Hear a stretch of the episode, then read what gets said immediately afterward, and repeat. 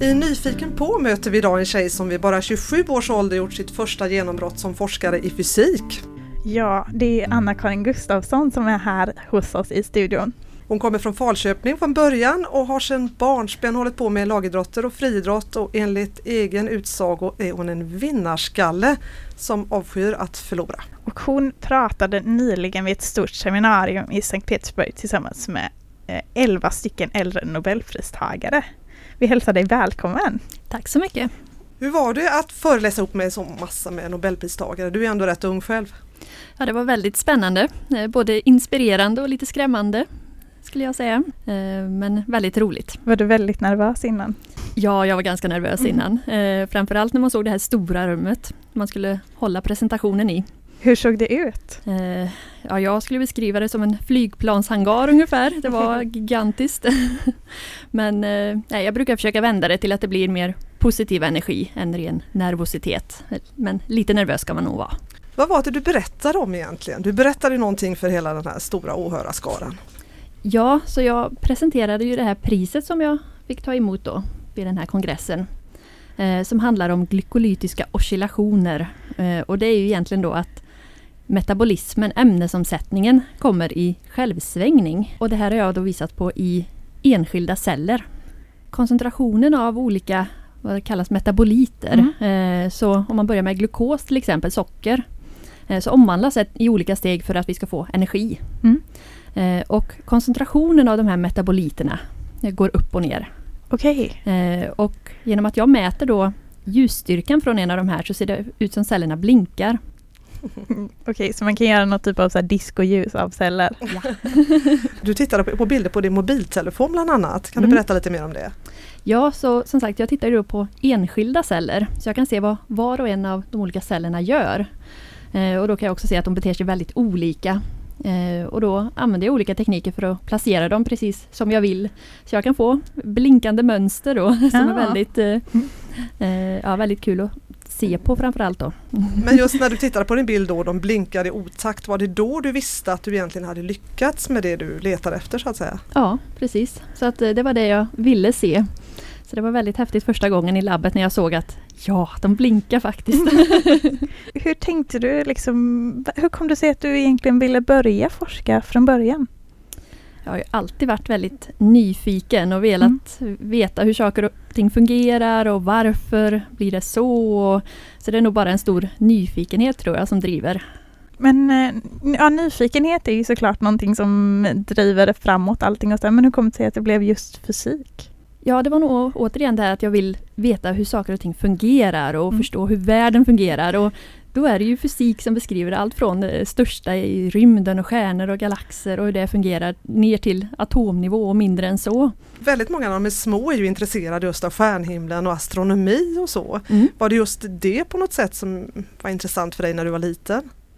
Eh, delvis eh, var jag intresserad av det men också väldigt stort eh, naturintresse med djur och natur, den biten. Så jag har ju stått och vägt lite grann om jag vill gå in i biologi eller fysik och så här. Men till slut så valde jag att jag vill läsa fysik och sen kanske rikta in mig åt biologi. Mm.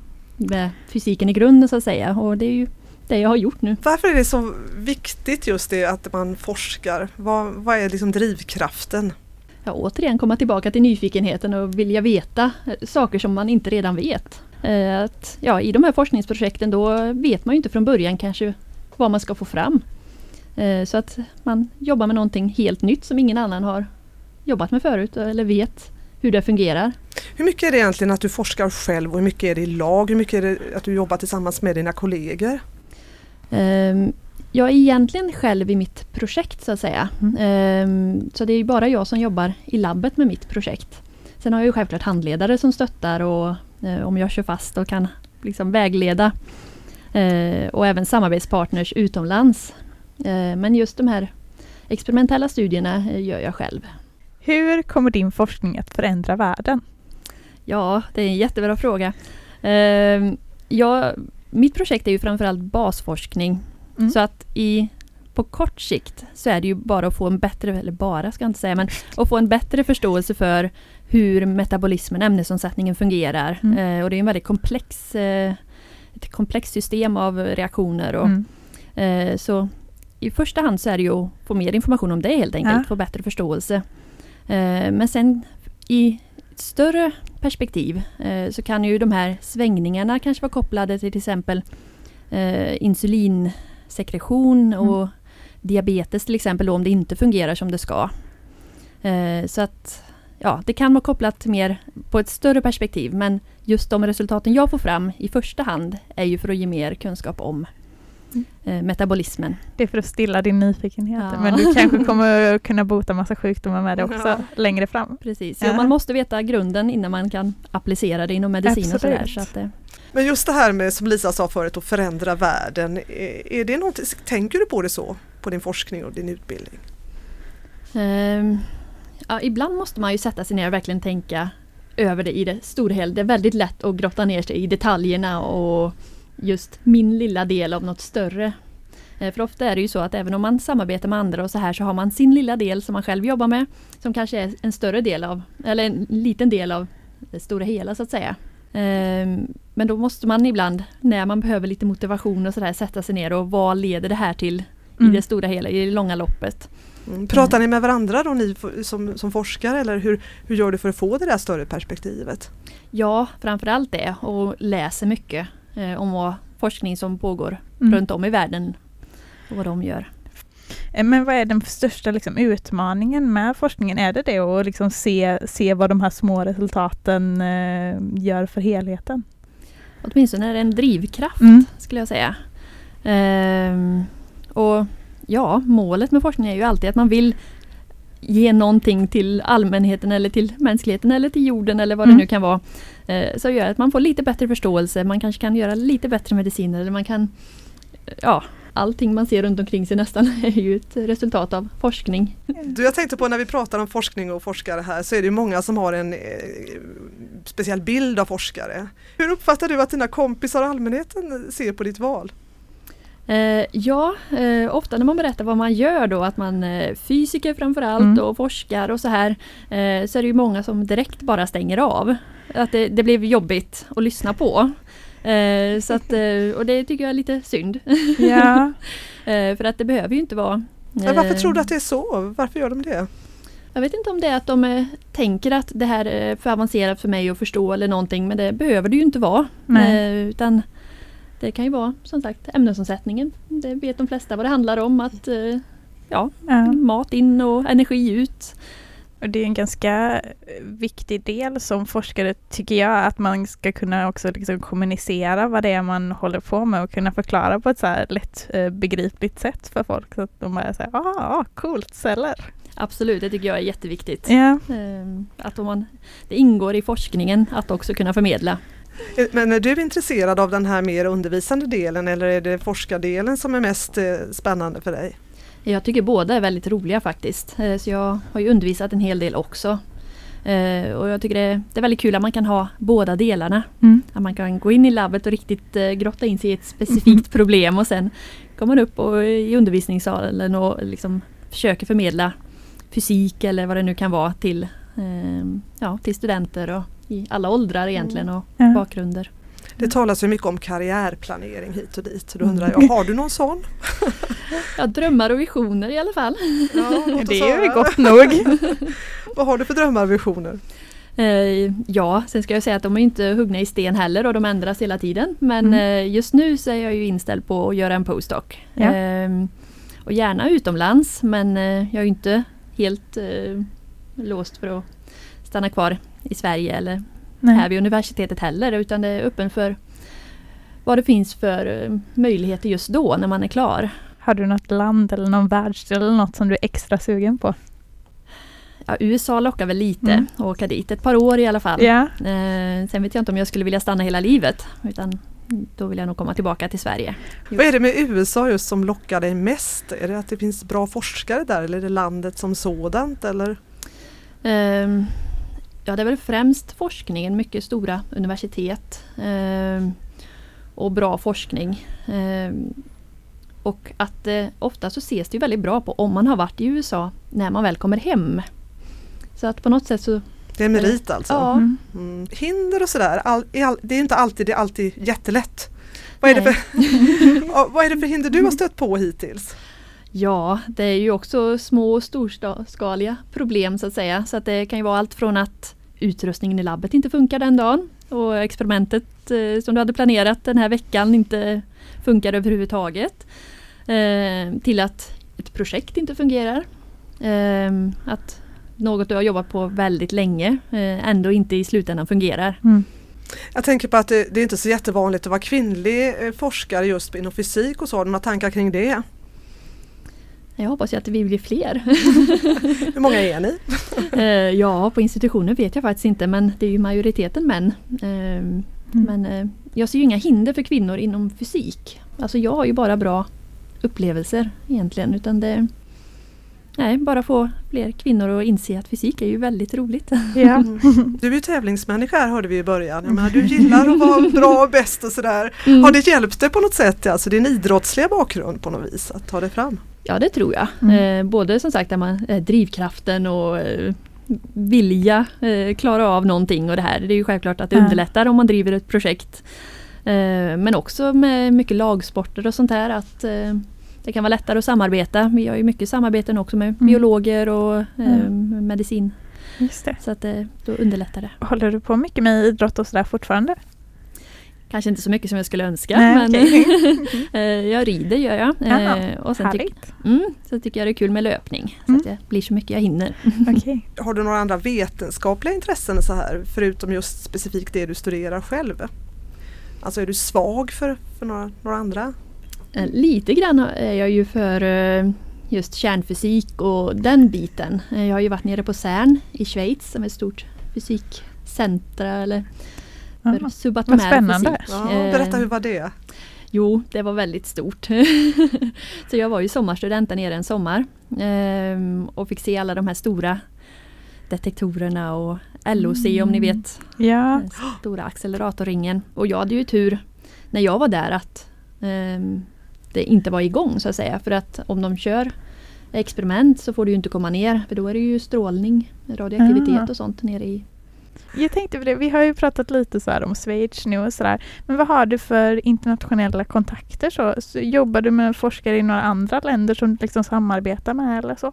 Ja, eh, vi har ett samarbete då nere i Sydafrika också. Mm. Eh, där de är väldigt duktiga eh, teoretiker och gör modeller av eh, ämnesomsättningen, då, metabolismen. Okay. Och de här glykolytiska oscillationerna, så väldigt detaljerade modeller. Där de i stort sett då kan förutse med modellen vad som kommer hända. Och sen kan jag upprepa det experimentellt och antingen säga att ja, eh, det blir precis så här eller nej, då får vi nog justera modellen lite grann för att jag såg det här. Hur kommunicerar ni då? Är det via Skype eller hur? Eh, mycket Skype och mail. Ehm, och jag har ju varit där nere eh, två månader och en postdoc där nerifrån har ju varit uppe och hälsat på här då mm, så att vi okay. håller kontakten. Har du några vetenskapliga eller vetenskapsmän eller kvinnor som är dina idoler tänker jag? Förebilder? Ja, det har man väl. Nu vet jag inte om jag kan nämna någon specifik så. Eh, men självklart är det kvinnor inom, starka kvinnor inom forskningen. Och ja, personer som kan kombinera kanske både familj och forskning kan ju också vara imponerande på det sättet. Mm. Är det viktigt med förebilder tycker du? Ja, det är nog bra att ha ja, någon att liksom se upp till eller någon att inspireras av. Mm. Det tror jag är bra. Du får sikta på att bli en bra förebild själv kanske istället. Ja, det låter jättebra. Få ett nobelpris och sen ja, så kan det. du bli alla unga fysiktjejers förebild. Ja, men där kommer du ju Lisa in på någonting som vi måste fråga om tycker såklart. jag. Så, såklart. När du då stod bland alla de här nobelpristagarna och du höll din föreläsning som vi började prata om. Tänkte du själv att kanske någon gång en dag så är det jag som står här som och har tagit Nobelpriset och föreläser om sådär 30-40 år. Jösses, ja man kan ju alltid önska som sagt men eh, det är väl inga sådär att jag förväntar mig något sånt men eh, Har tanken äh, aldrig slagit dig? Ja, inte att man reellt nu tror jag att jag kommer få Nobelpriset. Det är ju inte så kanske jag går runt och tänker i labbet. Eh, när man tänker oh, på. Den, nu idag! ja precis, det här resultatet ser ut att vara Nobelpris. Nej, eh, men eh, nej, man blir väldigt inspirerad av att höra deras livshistorier och allt de har varit med om. Och, och även både motgångar och framgångar. Det har ju inte varit oftast rak väg för dem heller, även om man vunnit Nobelpris. Var det något speciellt spännande du fick höra nu när du var i Sankt Petersburg? Ja, framförallt var det väl att jag var ju på middag eh, där det var flera av Nobelpristagarna med. Uh, och man fick höra just deras små eh, anekdoter och historier från när de var yngre och så här att ja, höra ja. deras liv lite grann. Inte bara se forskningen utan faktiskt se en person bakom. Jag träffade en forskare nyligen som sa att han trodde att forskare var antingen så en sån person som kan stänga av och koncentrera sig och gå djupt in i sin, e-, sin egen grej. Eller så är det en sån som tar in jättemycket intryck överallt ifrån och omformar dem till något eget. Mm. Känner du igen dig i någon av de bilderna? Jag skulle nog säga att jag kan eh, växla lite grann mellan de här. Att när jag verkligen ska fokusera på en grej då går jag helt in i bara fokusera väldigt enkelspårigt så. Eh, och sen kan man liksom lite grann snappa ur den det tillståndet och sen öppna upp sig lite grann för mm. omgivningen också. Men vilka bra egenskaper tror du att en duktig forskare måste ha? Ja, först och främst eh, nyfikenheten. Man måste ha den, någon drivkraft, eh, viljan att lära sig mer eller veta mer. Mm. Eh, sen tror jag att det är bra med mått av envishet kanske. Det går ju inte alltid som en dans på rosor kanske. Eh, utan att man även orkar igenom de perioderna när det inte går jättebra. Mm. Men när man väl lyckas då, jag tänker man lyckas, man har tänkt ut ett sätt att eh, testa och det blir lyckat. Känner man sig som en pionjär då när det blir, eller hur känner man sig? Ja, ofta blir man ju bara sådär yes, vad kul det är idag. Eh, men man tänker kanske inte på att oj, det här kanske är lite större upptäckt eller så här. Eh, åtminstone inte jag, utan att man blir bara så glad när det väl funkar liksom, när man har kämpat med någonting väldigt länge och så. Ja. För nu var ju trots allt det här väldigt prestigefullt. Du fick ju faktiskt både pengar och en utmärkelse, kan du berätta? Ja, nej, det var ju väldigt roligt. Jag visste ju som sagt att jag var nominerad då till det här priset. Eh, men jag... Vi kanske ska berätta vad priset heter också. Eh, ja, Febs Journal Prize for Young Scientists heter mm. det här mm. priset. Ja. Så det är ett pris då som ges till eh, ehm, bästa artikel i Febs Journal ja. som publiceras av en ung forskare. Mm. Så doktorand eller ett par år efter disputation. Jag trodde ju inte, jag hade ju nästan glömt bort att jag var nominerad. för det är ju så många som publicerar under ett år ja, i den här jo. tidskriften. Då, så att, mm. Men var... du måste ju uppenbarligen gjort någonting rätt. Ja, det verkar Eller så. mycket rätt. Och du fick inte bara äran utan du fick pengar också. Mm. Men sen är min plan eh, att man ska använda det nu eh, om jag är intresserad av en postdoc. Att kunna åka kanske på någon konferens när det närmar sig slutet och kunna mm. åka och göra något studiebesök på något labb kanske. Eh, och se vad man kan hitta för framtiden. Mm. Hur tror du att man ska kunna intressera ungdomar för att välja en sån bana som du har gjort till exempel? Ja, jag brukar försöka inspireras och visa allt det här fascinerande som faktiskt finns i naturen. Och både mm. inom fysik och biologi och kemi. Och så, jag tycker att det är så häftigt. Ja. Att naturen funkar som den gör. så jag försöker att visa det för andra. Alltså att, ja. Jag tycker det är häftigt att allt fungerar, särskilt i Verkligen. kroppen och celler och sådär. Att det fungerar så pass bra som det gör. Det går fel så himla sällan. Ja, och ju mer jag lär mig så blir jag mer och mer fascinerad faktiskt. Mm. att det funkar. Nu förstår ju vi att du är väldigt eh, hängiven och duktig när du forskar och sådär men du kanske har någon annan talang också som mm. du sitter och gömmer här? Oj. um, har du någon oväntad sådan? Oj, oväntade talanger. Jag är väldigt duktig på att göra glass, eh, har jag hört. Mm. Eh. det, får, det får ändå vara en oväntad talang för en forskare. Ja, eh, och då gör jag det självklart med flytande kväve då. Så att det brukar jag bjuda på när vi får studiebesök. Jag tror att så får man in många till naturvetenskapen också genom flytande kväve. Jag hoppas det. Innan vi helt avslutar här så kanske vi skulle fråga dig också vad dina allra närmsta planer är Anna-Karin? Vad är det du Ja, närmast nu eh, så fortsätter jag ju doktorera så att säga. Så nu läser jag både kurser själv, så att jag är student. Mm. Eh, och jag undervisar lite grann och sen är det ju forskning då. Mm. Eh, så att nu är det att fortsätta med det här projektet och försöka visa ännu mer roliga fascinerande grejer med metabolismen. Mm. Det låter spännande. Jag tror att vi kommer få höra mycket mer från dig i framtiden. Tack så mycket för att du ville komma Anna-Karin Gustafsson som är ung forskare i fysik. Ja. Tack så mycket. Jag heter Lisa Grättve. Och jag heter Karina Eliasson. Lycka till! Tack så mycket. Tack, tack.